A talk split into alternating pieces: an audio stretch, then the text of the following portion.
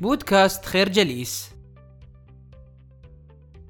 دوما سؤال الإبداع هو سؤال من نوع آخر. وقد تعجز في الكثير من الأحيان عن الإتيان بالمعنى الدقيق. وقد تخونك أحيانا أخرى العبارات وأنت ترغب أن تعبر عن مفردة تشكل لوحدها سمة هذا العالم وخاصيته الأساسية. ولكن يمكننا ببساطة أن نقول بأنه هو التعبير عن الذات بالطريقة التي يختارها كل واحد منا. هو ليس شكلا واحدا ولا لونا معينا. فلكل واحد إبداعه في طريقة كلامه أو لباسه أو طبخه أو قراءته أو تعبيراته الفنية. معنى ذلك أن عملية الإبداع ليست معقدة بالصورة التي يراد أن يغرسها البعض في نفوسنا. فكل مشكلة تواجهنا ونبحث لها عن حل أو طريقة أو أسلوب هو نوع من الإبداع الكامن فينا. وكل فكرة أو تصور أو نمط يساعدنا على التعرف على الحياة وأساليبها وجماليتها هو رؤية إبداعية أكثر مما نتصور. كل هذه التعبيرات الإنسانية المختلفة التي تمنح الفرد متعة ورضا عن الذات هو الإبداع بعينه. فهذا الأخير لا يتطلب خيالا فقط بل شيئا آخر للوصول إلى نتيجة. الفكرة الإبداع هو الطريقة التي تكتشف بها ذاتك. في كل عملية إبداع هناك قيمة يجنيها الإنسان سواء انتبه إليها أو لم يعرها أي اهتمام. لا يخفى على كل ناظر بأن الإبداع هو قيمة القيم التي تضفي على هذا الوجود سحرا خاصا وتجعل من حياتنا شيئا قابلا للتحقق ولو بعد حين. وإذا ما أردنا أن نعرف بشكل جلي قيمة الإبداع يمكن أن نمعن النظر في مختلف المجالات خاصة المجال الاقتصادي. ونحن نعيش في عالم يحركه الاقتصاد وعالم الأعمال.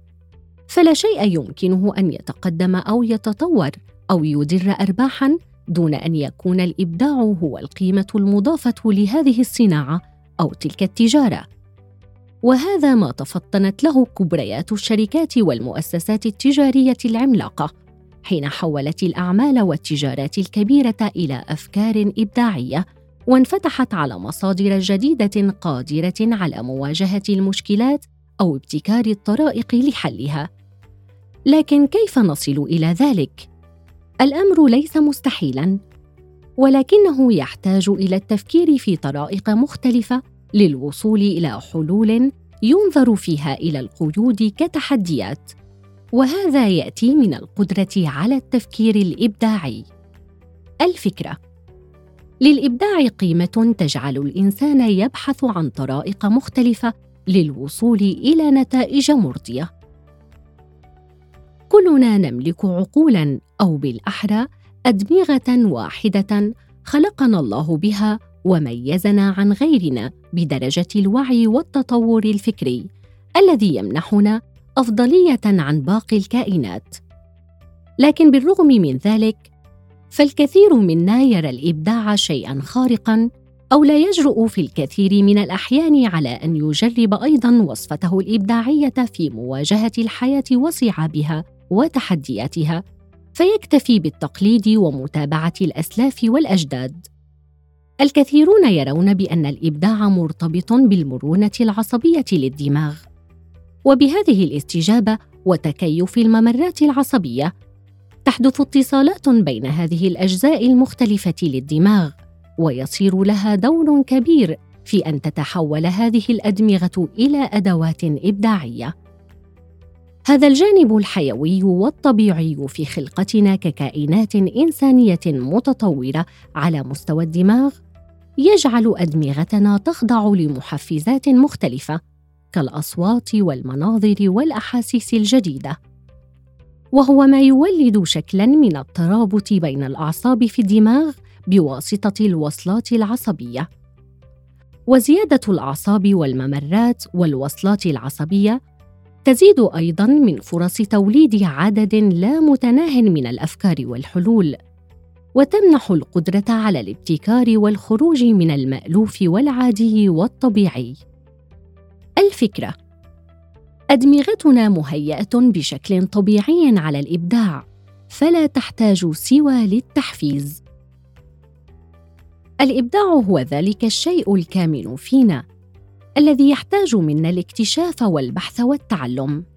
لكن هو أيضا ذلك الشيء المتواري والذي أزاحته من أمامنا مجموعة من العوائق الفكرية والثقافية التي ورثناها من جيل إلى جيل دون أن نعرف خطورتها. ولمعرفة الموانع التي تعيق الإبداع في حياتنا يمكننا أن نلخصها فيما يلي. الرقابة الذاتية وهي حينما يخبرك صوت في داخلك.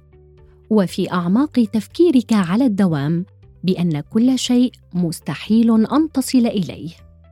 الثبات الوظيفي.